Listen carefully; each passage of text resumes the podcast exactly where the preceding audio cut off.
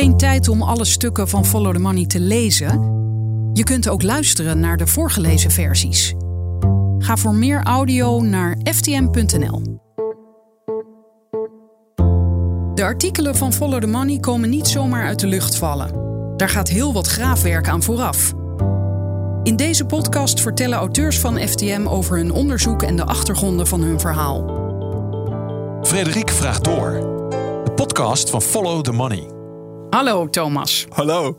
We gaan het hebben over een andere manier van kijken naar werk. Ja, dat klopt. Daar heb jij een stuk over geschreven. Eh, waarom moeten of gaan wij anders kijken naar werk? Nou, we zitten, we zitten nu natuurlijk midden in de coronacrisis. En er gebeurt van alles op het gebied van werk. Want er zijn heel veel mensen die niet mogen werken. En die nu toch betaald krijgen. En daar, daar wordt heel veel geld aan uitgegeven door de overheid. En dat is eigenlijk wel een, een, een mooi vraagstuk. Dus uh, om, om dan te gaan bedenken: goh, wordt dat geld eigenlijk wel nuttig besteed? Hoeveel geld kunnen we dan daaraan uitgeven? Hoe lang kan dit zo doorgaan? En um, moeten we niet eens helemaal anders gaan nadenken over werk? En er zijn een heleboel mensen die dat al, al een hele tijd doen. Wetenschappers die zich juist uh, met dit onderzoeksgebied bezighouden. Al voor corona natuurlijk. Al lang voor corona. En ik heb daar een, um, ja, een, een, wetenschapper over uh, geïnterviewd. Uh, Pavlina Cherneva. Een Amerikaanse uh, wetenschapper. En, um, je hebt haar boek daar voor je liggen, ja, ik. Heb, ik heb een boek hier voor, voor me liggen. Het heet The Case for Job Guarantee. Ja, ik ben haar uh, tegengekomen omdat ik ook een andere wetenschapper had geïnterviewd. Stephanie Kelton. En zij behoren samen tot, tot um, dezelfde economische school. Dat is de uh, MMT, Modern Monetary Theory of Modern Money Theory. dat is eigenlijk een economische school die op een andere manier naar geld en de interactie van geld en, en hoe geld werkt in de uh, macro-economie kijkt. En um, ja, hun centrale punt is eigenlijk, ze zeggen, de overheid is uiteindelijk uh, in control. Uh, die, die bepalen uh, hoeveel geld er is. Hè, dat hebben we ingeregeld met een centrale bank die losstaat van de gekozen regering. Maar uiteindelijk is het de overheid die ons, ons geld creëert. In Amerika is dat de dollar. In Europa hebben we dan de euro. Dat maakt het nog wel een stuk ingewikkelder, omdat we dan met een heleboel landen uh, samen uh, over ons geld gaan. Dus we zijn eigenlijk niet meer helemaal soeverein op dat gebied. Dus uh, wat dat betreft moet je ook dan, als je het over Europa hebt, wel weer even er anders naar gaan kijken. Want die Amerikaanse onderzoekers die kijken vooral vanuit Amerika. En daar is het gewoon ja, de Federal Reserve die nieuw geld kan, kan creëren. Maar ze zeggen eigenlijk, de overheid kan dat. Dus op, op die manier moeten we ook onze economische theorieën uh, gaan aanpassen. Want we gaan er uh, in veel gevallen helemaal niet uh, vanuit dat de overheid geld kan creëren. Maar dat er eerst belastingen moeten worden geheven om vervolgens dat geld uit te geven. En, en ja, die theorie zegt eigenlijk, nou, dat, dat begrip zoals je het ook op school uitgelegd krijgt, dat is eigenlijk verkeerd om. Want de overheid moet eerst geld maken, dat uitgeven. En vervolgens kunnen ze weer een deel van dat geld uit de economie halen. Wel middels belastingen. Middels belastingen, ja. En, en, en heel even, is het ja? inderdaad zo dat bijvoorbeeld de Nederlandse regering die ene theorie aanhangt, namelijk uh, wij heffen belastingen, zo komen we aan ons geld als overheid en dan gaan we dat herverdelen?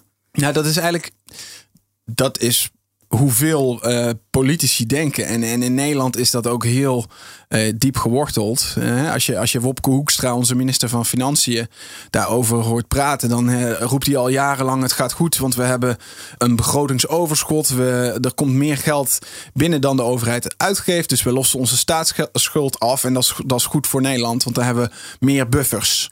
He, zo, zo, dat is hoe hij dat bekijkt. En um, deze economische school zegt eigenlijk: joh, dat is echt heel, heel uh, dat is eigenlijk verkeerd om. En dat is heel bekrompen. Want er is, het is een, dat is slechts een deel van het verhaal. Want, uh, en, en, en dat klopt ook feitelijk zo. Dat, dat als wij in Nederland uh, onze staatsschuld uh, kunnen aflossen, dan, dan komt er weer minder geld in de economie. En dat geld moet weer ergens anders vandaan komen. En als we tegelijk bijvoorbeeld willen dat ook Italië en Spanje en Griekenland hun staatsschuld aflossen, dan verdwijnt er heel veel geld uit de economie. Dan krimpt onze economie. Dat, dat, dat kan eigenlijk helemaal niet. Dus er zitten allerlei uh, ja, vereenvoudigingen in de manier hoe wij over geld praten en ook hoe de politiek over geld praat. En deze economische school heeft eigenlijk, ehm, die zegt van, nou, we moeten dat echt even uh, anders gaan bekijken. En dat betekent dat, omdat het ons geld dus anders werkt, dat ook geld in de macro-economie anders werkt. Dus dat de economie dat je de, de economie als geheel, macro-economie, waarbij je van bovenaf kijkt uh, naar hoe alle grote geldstromen lopen en wat dat dan betekent voor normale mensen, dat je daar op een andere manier uh, mee om moet gaan. Ja, het leuke is, dat, dat ziet de luisteraar niet, maar jij legt dit aan mij uit met allerlei armbewegingen. Ik kan, ik kan je nog volgen tot nu toe. En, maar wat ik denk is, uh, als dat er iets mee te maken heeft van ja, uh, hier in Nederland, je zegt het al, traditiegetrouw denken wij niet op die nieuwe manier. En het is voor ons al heel wat om bijvoorbeeld te zeggen: dit keer uh, hebben we weer een crisis. Vorige keer gingen we enorm bezuinigen, maar dit keer gaan we niet bezuinigen. Dat, dat klinkt al revolutionair hè, in Nederland. Ik heb het nu even over Prinsjesdag en de miljoenennota. Dan lijkt mij dat zo'n stap om een, op een helemaal andere manier te gaan denken veel te ver gaat. Nou, eigenlijk wat er, wat er nu gebeurt, dat we, dat, dat we noodgedwongen door de coronacrisis dat er eigenlijk wordt gebroken met alles wat, wat altijd uh, nou, alles? wordt gezegd. Nou ja, de, de, de, hele de, de bezuinigingsdoctrine. En we moeten een gesloten begroting hebben. En er moet uh, afgelost worden op de staatsschuld. Dan gaat het goed. Dat wordt nu even losgelaten.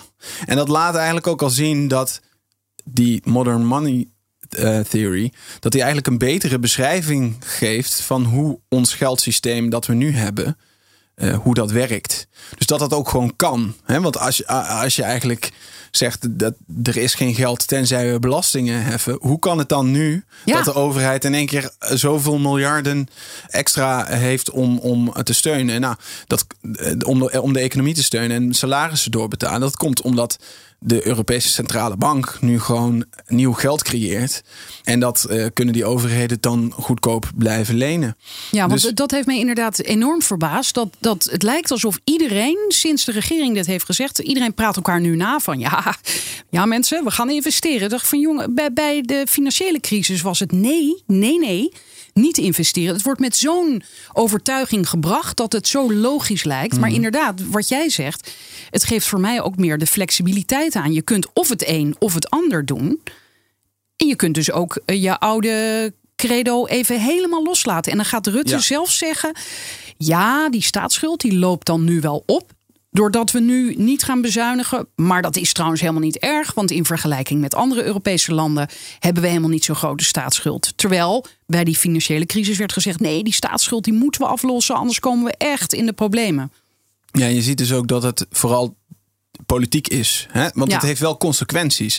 Als je zegt, we gaan de staatsschuld laten oplopen, we gaan dat geld uitgeven. Ja, dat, dat, dat, gebeurt wel wat in de economie. En er worden afspraken gemaakt over wanneer dat geld dan moet worden terugbetaald. De, de beslissingen van de Europese Centrale Bank om wel of niet uh, staatsobligaties op te kopen, waardoor de leenkosten van overheden laag blijven. Dat zijn allemaal politieke beslissingen.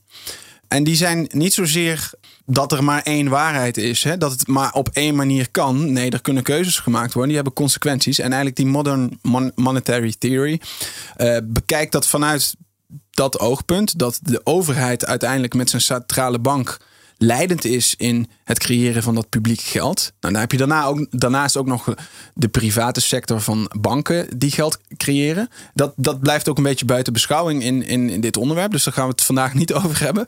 um, maar juist vanuit die overheid kan er geld gecreëerd worden. En dan is de vraag, waar ga je het geld aan uitgeven? Nou, voordat we dat bespreken. Het is dus inderdaad zo, zoals jij net zei, dat er nu wat wij nu gaan doen in Nederland, namelijk het creëren of het behouden van zoveel mogelijk banen, tenminste, dat is ook een politieke keuze, maar daar gaat het nu over in het debat. Dat wordt dan betaald door het scheppen van nieuw geld door de centrale bank? uiteindelijk wel, want onze overheid leent dat geld. En uh, binnen heel Europa wordt er nu heel veel geld geleend. En dus er komen meer uh, begrotingstekorten. Nou, dat geld, dat moeten ze hè, volgens de regels moet de, moet de staten dat lenen op de kapitaalmarkten. Maar omdat de centrale bank die, die voorziet dan van ja, als, we, als wij nu niks zouden doen, dan zouden daar de rentes heel hoog worden. Dus dan zou het heel duur worden voor een overheid om te lenen. Nou, dan moet je dus, je wil het geld uitgeven aan een, een toch een, een soort van publiek uh, doel. Hè? Dat is in ieder geval waar je, waar je vanuit mag gaan. Dan kan je discussiëren of, of alle uh, doelen even publiek uh, en maatschappelijk nuttig zijn. Maar, maar het geld wordt opgehaald op die, op die private markten. En als de ECB nu niet zou zeggen: wij kopen een deel van die obligaties indirect op, dan zouden de rentes omhoog gaan. Dus de ECB creëert nu nieuw geld met het opkopen uh, van, van staatsobligaties. Waardoor die rente laag blijft. En, en ze creëren dus eigenlijk uh, ja, centrale bankreserves. Dus dat is niet het geld wat jij en ik gebruiken. Maar dat zorgt er wel voor dat er, dat er staatsobligaties op de balans van de centrale bank komen te staan. Die zijn niet meer in de markt verhandelbaar. Dus daardoor blijft er vraag naar die overige staatsobligaties die er wel zijn. En daardoor kunnen overheden goedkoper geld lenen. Ja, en nou zeg jij in jouw stuk dat deze wetenschapper, Pavlina Tcherneva, vraagtekens zet bij de effectiviteit van de uitgaven die gaan naar het behoud van banen. Ja, ja er, zijn, uh, er wordt nu dus uh, veel extra geld door de overheid geleend en dat wordt uitgegeven. En uh, ja, de, de, de, op dit moment wordt heel veel geld in Nederland, bijvoorbeeld via de NOW-regeling, om, om eigenlijk salarissen door te betalen van bedrijven waar het personeel thuis zit. Op die manier worden ja, banen in stand gehouden. Maar er worden bijvoorbeeld ook bedrijven gered. Uh, een KLM krijgt een lening van 3,4 eh, miljard van de overheid. Uh, of in ieder geval gegarandeerd door de overheid. En op, op, op die manier wordt dat geld in de economie gebracht. Met als doel werkelijke gelegenheid behouden.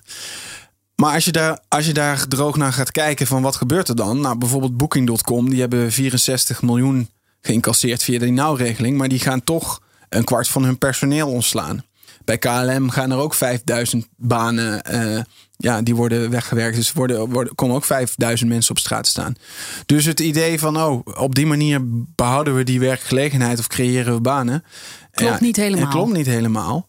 Omdat voor eh, een bedrijf met een winstoogmerk is een, een salaris betalen, arbeid, is een kostenpost.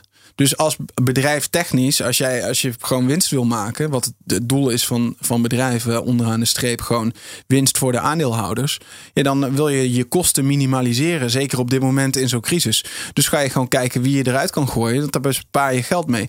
Dus de doelstelling van de overheid om banen te creëren. Zorgen dat, dat iedereen in de bevolking uh, die wil werken nog steeds een baan heeft. Uh, daar staat eigenlijk. Uh, ja, dat haaks staat op. haaks op hoe bedrijven werken. Want die, die willen niet per se banen creëren. Ja, dat is gewoon niet het doel van een bedrijf. En daarom was het bij de eerste, de, het eerste deel van die steun... werd de eis, nou ja, later bleek dat toch iets, iets minder hard te zijn gesteld. Van jullie krijgen geld, uh, maar dan mag je ook geen mensen ontslaan. En bij het tweede deel werd al duidelijk dat er wel mensen verdwenen. En dan zeiden die bedrijven: ja, ja, maar we kunnen niet anders. Ja. Dus de overheid is daar wel kennelijk milder in geworden.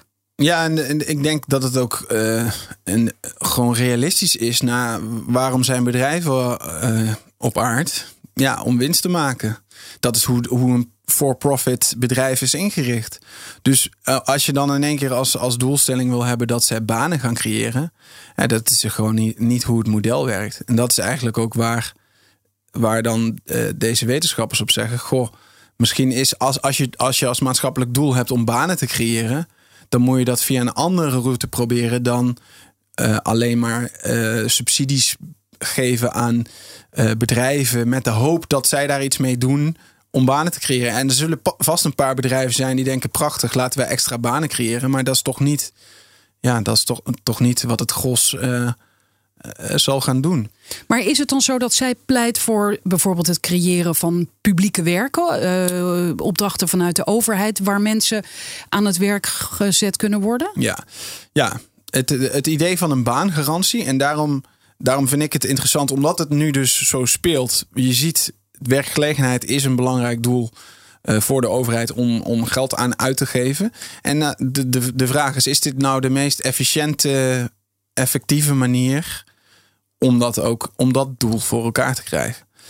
In, in deze wetenschappers, en, want zij is niet de enige, maar in, in het boek maakt ze duidelijk dat, er, dat het eigenlijk dan een. Het vereist een andere manier van kijken van wat is het doel van de overheid in dit geval. En, en zij vergelijkt het ook met bijvoorbeeld um, nou, uh, ziektes. Polio willen we uitbannen. Dus we gaan vaccineren om dat helemaal uit te bannen. Analfabetisme. Dat is ook een maatschappelijke doelstelling. Willen we eigenlijk niet. We willen dat iedereen kan lezen. Dus we zorgen ervoor dat, dat iedereen uh, een, een bepaalde vorm van onderwijs geniet. En zij, zij zegt eigenlijk: zo zouden we ook naar werk moeten kijken. Want het is zo'n essentieel onderdeel van ons leven. Want werk biedt inkomen, maar naast inkomen geeft het ook een sociale inclusie. Het geeft uh, waardering. Een waardering, een gevoel van dat je iets bijdraagt aan de maatschappij. En dat willen we eigenlijk voor iedereen mogelijk maken als overheid. En dan heb je, zeg je, naast de private sector, die via for-profit modellen, zoals dat nu werkt, uh, ook een groot deel van de bevolking aan het werk zetten, hebben we ook een overheidstaak om te zorgen voor dat deel wat niet in die private sector terecht kan. Dat is in feite hebben we dat nu ook al. Want mensen die werkloos zijn, die worden toch op de een of andere manier opgevangen. Want we hebben met z'n allen bepaald dat, dat mensen in, laten sterven in, in, uh, in de berm, dat dat niet het model is wat we willen. Dus we hebben toch allerlei kosten aan het opvangen van langdurig werkelozen, aan uitkeringen en allerlei... Ook al geven die dan minder waardering aan de mensen, maar dan hebben ze in ieder geval wat geld. Ja, en dat kost dus ook heel veel. Dus ze zegt eigenlijk, je geeft al heel veel uit aan het, ja, aan het ondersteunen van die mensen zonder baan. Maar het zou een, een beter model zijn om eigenlijk gewoon werkgelegenheid te garanderen. Want werkloos zijn kost de maatschappij vooral heel veel. Dus dat heeft negatieve productie. En um, als we nu een baangarantie creëren, uh, instellen, waarbij de overheid um, dus eigenlijk het deel wat niet aan het werk kan via de normale business cycle. Dus um, juist in zo'n moment van crisis zullen, dan kunnen er minder mensen in de, in de private sector aan het werk. Dan zal de overheid meer mensen die baan garanderen. En daarmee uh, creëer je meer stabiliteit in onze economie. Doordat je uh, op die momenten dat veel mensen werkloos krijgen te worden. Wat nu dus bijvoorbeeld gebeurt.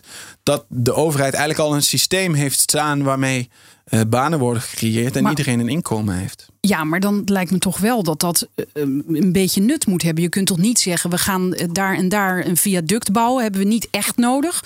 Maar dan is het zo fijn dat die mensen aan het werk zijn. Ja, precies. Dit, dat, dat is ook de doelstelling moet zijn dat het dat maatschappelijk nuttig werk is. Ja, zij, zij um, want dit is ook iets wat ik, wat ik bij haar, haar heb aangekaart. Hè, van hoe, hoe zorg je er nou voor dat het nuttige banen zijn. Want we, ja, laten we eerlijk zijn, het leeft toch wel een beetje zo van ja, die ambtenaren, dat, daar hebben we al vraagtekens bij. Hè? Doen die nou hebben we er genoeg van? doen ze nou allemaal wel zo nuttig werk? Dat leeft toch een beetje in het bedrijfsleven. Uh, hè, als je soms, uh, ja, ik heb het zelf ook wel als ik bij het gemeentehuis ben, dan denk ik van wat zitten hier veel mensen en wat, wat er zitten allemaal uh, formulieren, stempeltjes op te zetten. Is het allemaal wel zo nuttig werk? Hè? Dit is misschien een vooroordeel, maar ik denk dat het bij heel veel mensen. Ik denk dat dat een vooroordeel is, ja. bij heel veel mensen wel leeft. En aan de andere kant hebben zij zegt van, joh. We, we, de overheid creëert al heel veel nuttige banen. Kijk naar onderwijs, naar, naar uh, gewoon allerlei. 20% van de banen worden door de overheid gecreëerd. In Nederland ligt dat overigens wat lager. Ik had het opgezocht. Is ongeveer 12 procent. Zit ver onder het gemiddelde van de Europese Unie. Maar zij zegt eigenlijk: de overheid is zeker wel in staat om nuttige banen te creëren. Ja, maar tot op zekere hoogte, toch? Ja, en, en daarom. Uh, uh, en dat, dat deed Stephanie Kelton in haar boek ook. Zij pleitte er allemaal voor dat om dus niet de overheid, de centrale overheid, de, de nationale overheid, uh, die banen te laten verzinnen. Maar alleen verantwoordelijk te laten zijn voor die financiering. Omdat uh, de overheid dat geld uh, kan creëren. Ja. Maar dat juist de lokale gemeenschappen uh, okay. de banen creëren. Want lokaal maar de, kan je goed, de gemeente bedoel... De gemeente bijvoorbeeld. Okay, ja. Maar da, dat je per gemeente kan je veel beter inschatten. Wat zijn nou de maatschappelijke uh, zaken die hier gedaan moeten worden. En uh, we hebben dus in Nederland ook in de jaren 30 van de vorige eeuw en de jaren 80 hebben we kleine werkgelegenheids projecten gehad. Waar bijvoorbeeld het Amsterdamse bos Ja. of het Kralingse bos in eh, Rotterdam. En, en eh, ook de weg tussen Nijmegen en Den Bosch. Dat, daar kwam ik ook achter. Die zijn dus allemaal met dat soort werkgelegenheidsprojecten eh, gemaakt. Ik moet Dus- nu opeens aan de melkertbanen denken. Dat Ja, waren toch ook ja, gecreëerde banen? ja, dat is er ook alleen, een. alle- En dan is de vraag van, kun je dus genoeg nuttige projecten verzinnen? Nou ja, met, met een aantal zaken, met, met onze uitdagingen op het gebied van energietransitie, ehm, eh, heb je best wel wat, wat nou, ik, ik kan me best wel wat dingen voorstellen. En ook gewoon in de zorg, in onderwijs, gewoon eh, op straat. eh, we, worden nu een mantelzorg wordt van iedereen verwacht. En dat, dat zijn ook wel dingen die je kan formaliseren en zeggen dat da- daar staat ook een vergoeding eh, tegenover. En dan wordt het een baan. Dus dan eh, dingen die nu ook gebeuren, maar waar, waar mensen dus helemaal niks voor krijgen. Nou, dat zou je allemaal kunnen. eh, Kunnen zien als een nuttige, een nuttige baan. Ja, maar, en- maar sorry, ja. maar zegt zij dan ook, eh, denkt zij dan dat bijvoorbeeld de Nederlandse overheid daar voldoende geld voor heeft? Want daar zit natuurlijk ook weer een limiet aan. Nee, Nee, ja, maar daar gaat het. da- Dat is dus in die MMT-school. ehm, Oh ja, want dan kan je geld je creëren. kunt daar geld voor creëren. En dat is dus in Europa wel een stuk lastiger. Want wij moeten dat dus een samenstelling, samenwerking doen met de andere Europese landen. Want eh, we hebben maar één centrale bank. Dus onze soevereiniteit is wat dat betreft Ja. veel kleiner. eh, dan wanneer wij gewoon als Nederland de gulden hadden gehad en we hadden een eigen centrale bank, dan zouden we dat beleid veel beter kunnen afstemmen. Kijk, als, je, als het, als het in, in, in de huidige setting, als je dan weer afwegingen moet gaan maken en je moet wel je eh, budget eh, gebalanceerd houden, dan, ja, dan gaat het weer. Dan moet je het ergens anders op besparen. Dus dan wordt het al een stuk moeilijker om zoiets in te voeren. Dus wat dat betreft zitten wij in een, een lastigere situatie. pak- situatie dan bijvoorbeeld de, de Verenigde Staten die dat wel zouden kunnen doen. Een ander belangrijk aspect wat hierin werkt is de inflatie. Hè? Want als je, als je nieuw geld creëert om uit te geven aan, aan die banen, dan, krijgen die mensen krijgen, eh, inkomen, dat gaan ze uitgeven.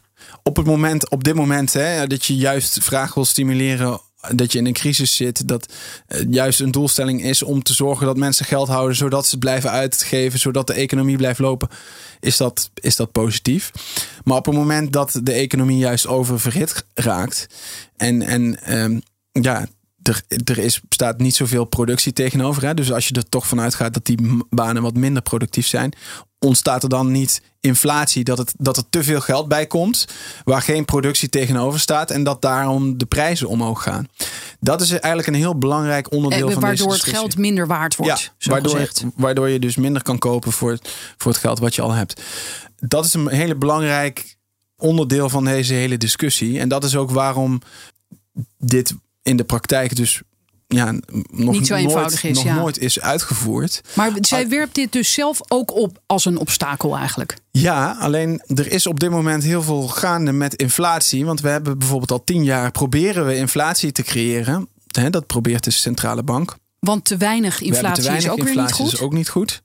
Dan worden dus de, de, de schulden ondraaglijk, omdat wij zo, zulke hoge schulden hebben opgebouwd in onze economie. Dus een beetje inflatie, dan gaat de schuldenlast omlaag ten opzichte van de economie, hè, ten opzichte van het BBP. Dus eigenlijk het, het, het idee van dat we inflatie nu proberen te creëren en het niet lukt. Nou, dat, dat, pleit, dat laat eigenlijk zien, er is nog heel veel ruimte om extra geld te creëren om dan wel die, de inflatie te krijgen. En het, geld komt nu op de verkeerde plekken terecht. Want het, komt bij de mensen die juist wel al veel geld hebben. Nou, die gaan het niet uitgeven aan eten en drinken, waardoor je inflatie krijgt. Die investeren het in huizen en aandelen, waardoor we nu wel hele hoge huizenprijzen en hele hoge aandelenprijzen Maar dan hebben. staat het vast. En dan, ja, dan is het dus je hebt inflatie in die aandelenkoersen en in de huizenprijzen, maar niet in de gewone economie. En dat is wat, wat, wat die centrale banken nastreven. Maar wat, er is nu een ontwikkeling gaande dat eigenlijk de, de bestaande kaders een beetje worden losgelaten. En steeds meer economen, en ik heb ook een aantal, die haal ik aan ook in, in, in mijn artikel, eh, die eigenlijk zeggen, ja, die relatie tussen eh, inflatie en werkloosheid, zoals we die altijd in de economische gangbare eh, theorieën hebben gehanteerd. Misschien bestaat die wel helemaal niet. Hij is Want niet dat is onder andere, als, sorry als ik me goed herinner, wordt er in die theorie gezegd dat je een, een zeker aantal werkelozen juist moet hebben. Ja, precies. Je, we gaan er nu vanuit dat we zo sturen dat we moeten zoveel mensen werkloos houden. Wat Want eh, totaal anders- idioot klinkt natuurlijk. Ja, en dat is ook wat zij aankaart. Het, het, wetenschappelijk is, is dat niveau helemaal niet aan te tonen. Daar wordt ook telkens na. Er wordt telkens, telkens weer een inschatting gemaakt door de centrale bank. Dan blijkt het niet te kloppen. Dat we, want we hebben geen inflatie. Terwijl we wel lagere werkloosheid hebben gehad dan dat niveau. Dus volgens die theorie zouden we dan ook een hele hoge inflatie moeten krijgen. Nou, dat klopt dus niet. Dus dat is empirisch de afgelopen jaren eh, aangetoond dat dat niveau wat ze dachten dat het niveau was, dat dat Hoeveel procent is dat ook Ja, alweer? dat wordt dan telkens naar beneden. Dat is dus een Ja, zwevend niveau. Maar rond de 5% nee, dat is gewoon Oh. pure Oké. inschatting. Nou ja, en het kan dus niet ingeschat worden. Dus, dit is eigenlijk, dus zij zegt eigenlijk, eh, en, en dat zeggen steeds meer economen, de, de, de- van die hele theorie, dat hebben een paar eh, economen verzonnen. Dus, en, en, eh, En hè, dat houden we al decennia en dat lang houden vol. we al decennia lang vol. Maar dat is eigenlijk niks dan anders dan politiek. Dus het is geen wetenschap, dat is politiek. Dat is een manier om te verankeren dat we eigenlijk zeggen: een deel van de bevolking houden we bewust werkloos zodat ze geen geld hebben om uit te geven, waardoor we de inflatie laag houden. Nee, maar dit is, is het zo? Kan je het zo stellen, inderdaad? Ja, dat is eigenlijk wel. Maar is, dit is. Ja, maar is het zo doelbewust dat, dat een overheid echt zegt: ja, het is heel jammer voor die mensen, maar die houden we gewoon werkeloos. Ja, dat is, Zo dat hard is, is zo het. wordt er gestuurd door centrale banken. Maar geven ze Dat dit zelf de- ook hardop toe? Ja, dat is hoe de Federal Reserve. Zijn, die heeft, de Federal Reserve, dat is de Amerikaanse centrale bank. Die, is hier, die heeft nu net zijn beleid aangepast. Maar dat is echt heel groot. Want dat is de belangrijkste centrale bank in de wereld. Die heeft eigenlijk gezegd.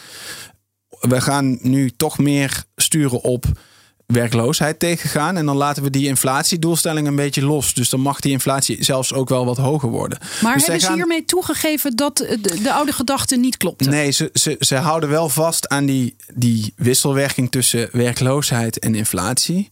Maar de wetenschappelijke relatie met zo'n minimumniveau. Nou, dat, dat laten ze eigenlijk wel eh, eh, los.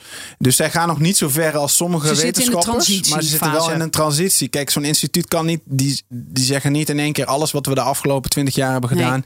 Is pure onzin. Dat was politiek van eh, Milton Friedman. Zijn theorieën. Die hebben, hebben, dat, die hebben de Phillips curve. Want dat, is- dat, zo heet die relatie. eh, tussen inflatie en werkloosheid.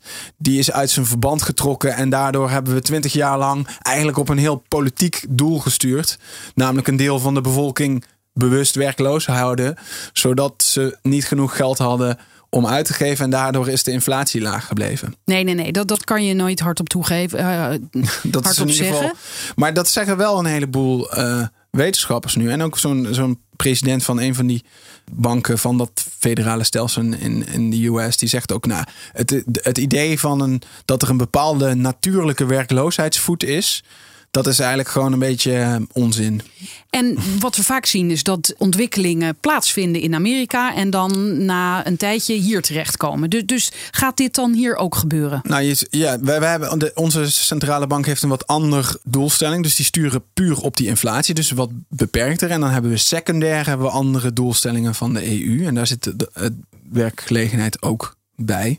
Maar je ziet hier ook al, eh, Lagarde is wat dat betreft ook aan het opschuiven. En die begint die secundaire doelstellingen ook steeds belangrijker... eh, ja, die maakt ze belangrijker in het beleid. En dan zegt ze, zolang het niet in de weg staat van die primaire doelstelling van inflatie.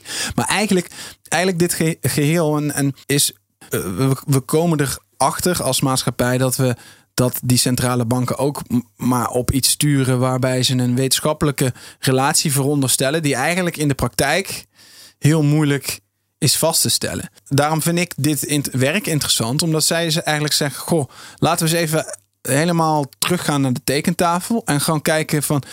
Oké, inflatie, dat accepteren we. We willen niet een of andere hyperinflatie dat al ons spaargeld minder waard wordt. Dat, dat, dat wil niemand. Maar dat hoeft helemaal niet een gevolg te zijn van men- mensen aan het werk houden en aan het werk zetten. En te garanderen dat er een baan is voor iedereen die wil werken. En daar kan je eigenlijk best wel wat concessies op doen in de productiviteit van het werk. Het hoeft niet allemaal het meest productieve te zijn. Als het maatschappelijk nuttig is, eh, is het al heel wat. En daar geven we nu ook geld aan uit. Dus laten we eens dat hele framework opnieuw inrichten en gewoon zeggen: banen zijn heel belangrijk. Dat vinden wij eigenlijk, dat is een, een doelstelling die we als overheid nastreven dat iedereen die wil werken een, een, een baan krijgt.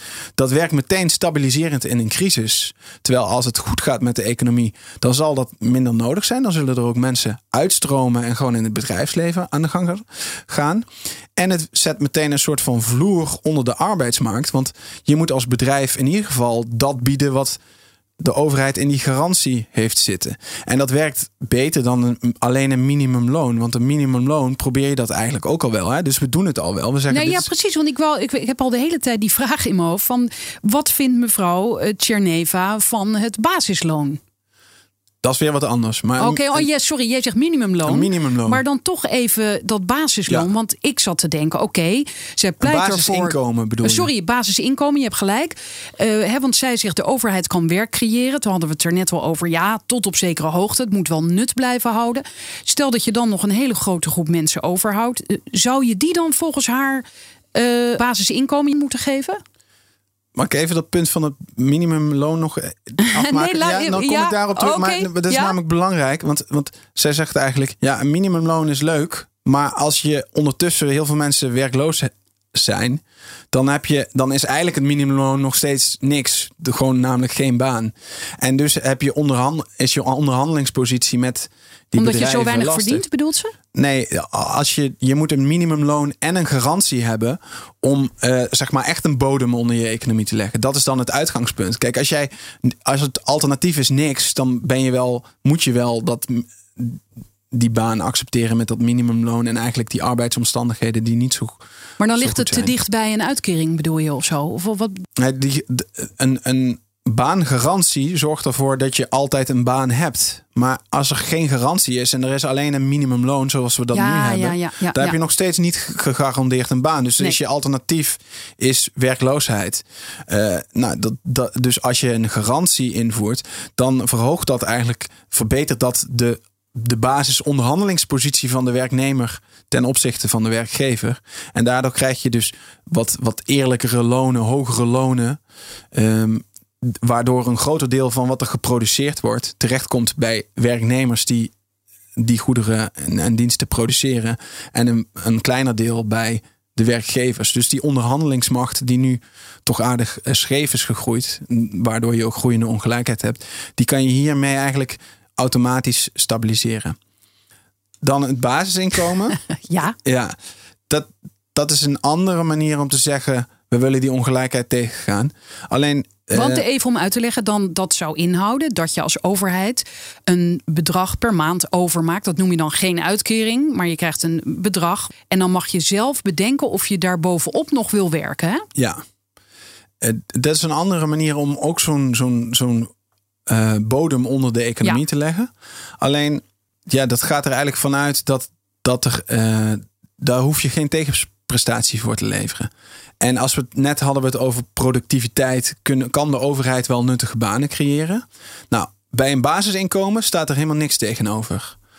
Hier, hier staat er een baan tegenover, waarbij iets, iets gedaan wordt wat, wat maatschappelijk nut heeft. Laten we ervan uitgaan dat, er, dat we iets kunnen verzinnen. Zo'n basisinkomen zou alleen als we echt niet meer kunnen bedenken wat mensen moeten doen, wat nuttig is voor anderen, dan zou dat ongeveer hetzelfde opleveren. Maar zolang er allerlei uitdagingen zijn waarbij mensen kunnen helpen om die problemen zolang op te lossen. Zolang er genoeg te doen is. zolang er wat te doen is, is dit een economisch veel, uh, ja, een, een veel haalbaarder idee. Want dan dragen die mensen ook nog iets bij toch werd bij uh, het eerste moment waarop die TOZO, of hoe heet het ook weer allemaal, werd uitgedeeld, zeg ik maar even door de mhm. overheid, werd de vergelijking gemaakt met zo'n met dat basisinkomen. En er werd gezegd eigenlijk, mensen krijgen 1000 euro per maand of 1500, afhankelijk van je situatie.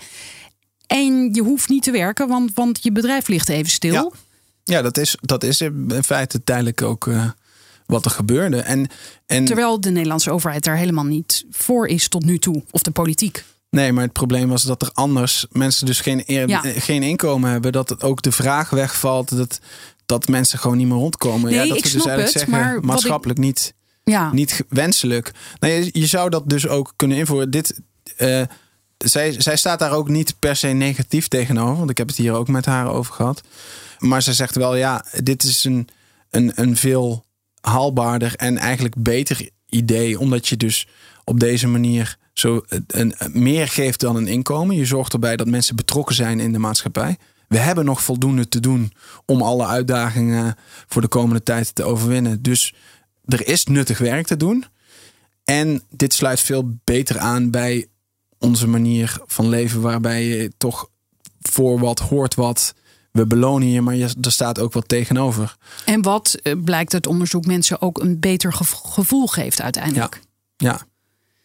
Maar het, het interessante is dus um, dat in ieder geval deze coronacrisis verschuivingen veroorzaakt die wellicht weer leiden tot best revolutionaire vernieuwingen. Ja, er is nu in ieder geval hè, aandacht voor dit onderwerp, terwijl dit, dit speelt natuurlijk al veel langer. Er is gewoon eigenlijk hebben we een hele ja, beperkte en wetenschappelijk dubieuze manier om te sturen op gegarandeerde werkloosheid. Terwijl je ook voor een ander model kan kiezen. En dat is een politieke keuze. Dat heeft economische consequenties. Kijk, je, als, als, als straks eh, de helft van de bevolking in die garantiebanen zou zitten, ja, dan, dan moet je je afvragen: is het dan nog wel betaalbaar? Dan loopt het waarschijnlijk uit de hand. Loopt het uit de hand. Maar dat is, dat is niet waar, waar ze hier ook van uitgaan. En ik, eh, ik vind vooral dat er vanuit de politiek ook heel weinig aandacht hiervoor is. Want ook ja, bij de uh, de, de socialistische partijen wordt dit helemaal niet uh, genoemd. De, bijvoorbeeld de Partij van de Arbeid. Dan zou je denken, nou, die zijn hier ook uh, mee bezig. Nou, die zeggen alleen, we willen voor iedereen banen. Dat, dat zegt eigenlijk iedereen. Hè? Ieder, we willen banen, goed betaalde banen, zodat iedereen huis kan kopen. Maar er wordt helemaal niet uitgewerkt hoe ze dat willen bereiken. En het, eigenlijk alle oplossingen, zelfs uh, ook bij een uh, GroenLinks of zelfs de SP, die dan wel pleiten voor een minimumloon, wordt zo'n baangarantie niet genoemd. En noemen ze allemaal oplossingen die toch uiteindelijk weer subsidies aan het bedrijfsleven, zodat die mensen kunnen aannemen. En dan heb je een tussenschakeltje waarbij je kan afvragen of dat eigenlijk wel past in, dat, in het model van uh, for profit. En of je niet ook een aantal maatschappelijke doelen ja, voorop kan stellen als het toch uit publiek geld wordt betaald. En uh, die manier van kijken, dat, daar, ik denk dat er nu het moment is om daar aandacht aan te besteden. Om, omdat er al zoveel geld. Er wordt nu heel veel geld ja. gewoon uitgegeven. En daar staat eigenlijk niks tegenover. Dus het laat zien dat het kan. En, en nu moeten we kiezen of we dat ook langdurig anders willen inrichten. Of dat dit gewoon eenmalig uh, voor, de, voor de crisis was. En wat denkt mevrouw Tcherneva daarover? Het, eerst wil ik even weten, is zij ook zo blij dat er eindelijk wat meer aandacht is voor haar onderwerp? Ja, ja dat is, is wel, was wel blij mee. Ja. Had je daar aan de telefoon of is het per mail nee, gegaan? Heb, nee, ik heb um, haar geïnterviewd met een, uh, een Skype-gesprek. Oké, en was ze ook uh, op de hoogte van de Nederlandse situatie? Of is heel Europa voor haar een beetje hetzelfde? Ja, heel Europa is voor haar hetzelfde. Ah, ja, okay. nee, we hebben het wel echt ook specifiek over Europa gehad. Uh, en ze ziet ook wel extra uitdagingen, omdat Europa dus geen soeverein. Ja. Uh, ja, wij, wij zijn geen soeverein land meer. En Europa als geheel heeft ook niet. We zijn ook geen federale staat zoals in de, in de VS. En dat bemoeilijkt wel ja. Uh, deze situatie. Maar denkt zij, jij zegt net, uh, de vraag is of, dit een nieuw, of we nu een nieuwe richting uh, inslaan, of dat dit eenmalig is. En wat denkt zij? Ja, ik weet, zij, zij is hier, dat is haar levenswerk. Nee, dus zij, zij, wil het, zij maar wil denkt dit. ze ook dat het ja, wat, wat, aanslaat? Wat is de, dat ligt aan ons en aan de politieke inrichting. Kijk, als het op het moment dat je een democratische samenleving hebt, dit idee leeft bij meer mensen en er wordt gekozen voor partijen die dit ook in hun programma hebben, ja, dan kan het realiteit worden. Zolang het idee niet wordt verspreid, mensen het niet weten en de politici eigenlijk eh, vasthouden aan het oude denkkader, ja, dan, dan wordt er nu even wat miljarden uitgedeeld en dan zitten we over vijf jaar zeggen we ja, nu moet, het, moet er keihard bezuinigd worden op allerlei maatschappelijke uitgaven, omdat we die staatsgeld moeten aflossen. En dat, dat is ook een realistisch scenario. Maar dit is, het, het, het belangrijkste is: dit is geen economische wetenschap. Uh, dat het zo moet. Uh, dat we die staatsschuld weer moeten aflossen. Er zijn meerdere opties. Er zijn meerdere opties. En dat is politiek en geen economie. En, en in ieder geval, daar draagt dit werk aan bij om te laten zien dat de wetenschap eh, ja, eigenlijk veel meer mogelijkheden laat zien om onze economie in te richten. En dat we dus zelf in controle zijn om, om een keuze te maken. Dus ja, wat we, waar we voor kiezen zal de, zal de toekomst uitwijzen. Nou, ik ga in ieder geval deze boodschap verspreiden. Mensen, als jullie dit hebben gehoord en denken: interessant verhaal, dit moeten meer mensen weten, wijs hen dan op de podcast. Dankjewel, Thomas. Graag gedaan. Tot zover deze aflevering van Frederik Vraagt Door. Wil je meer horen en lezen? Ga naar ftm.nl en krijg ons een maand op proef.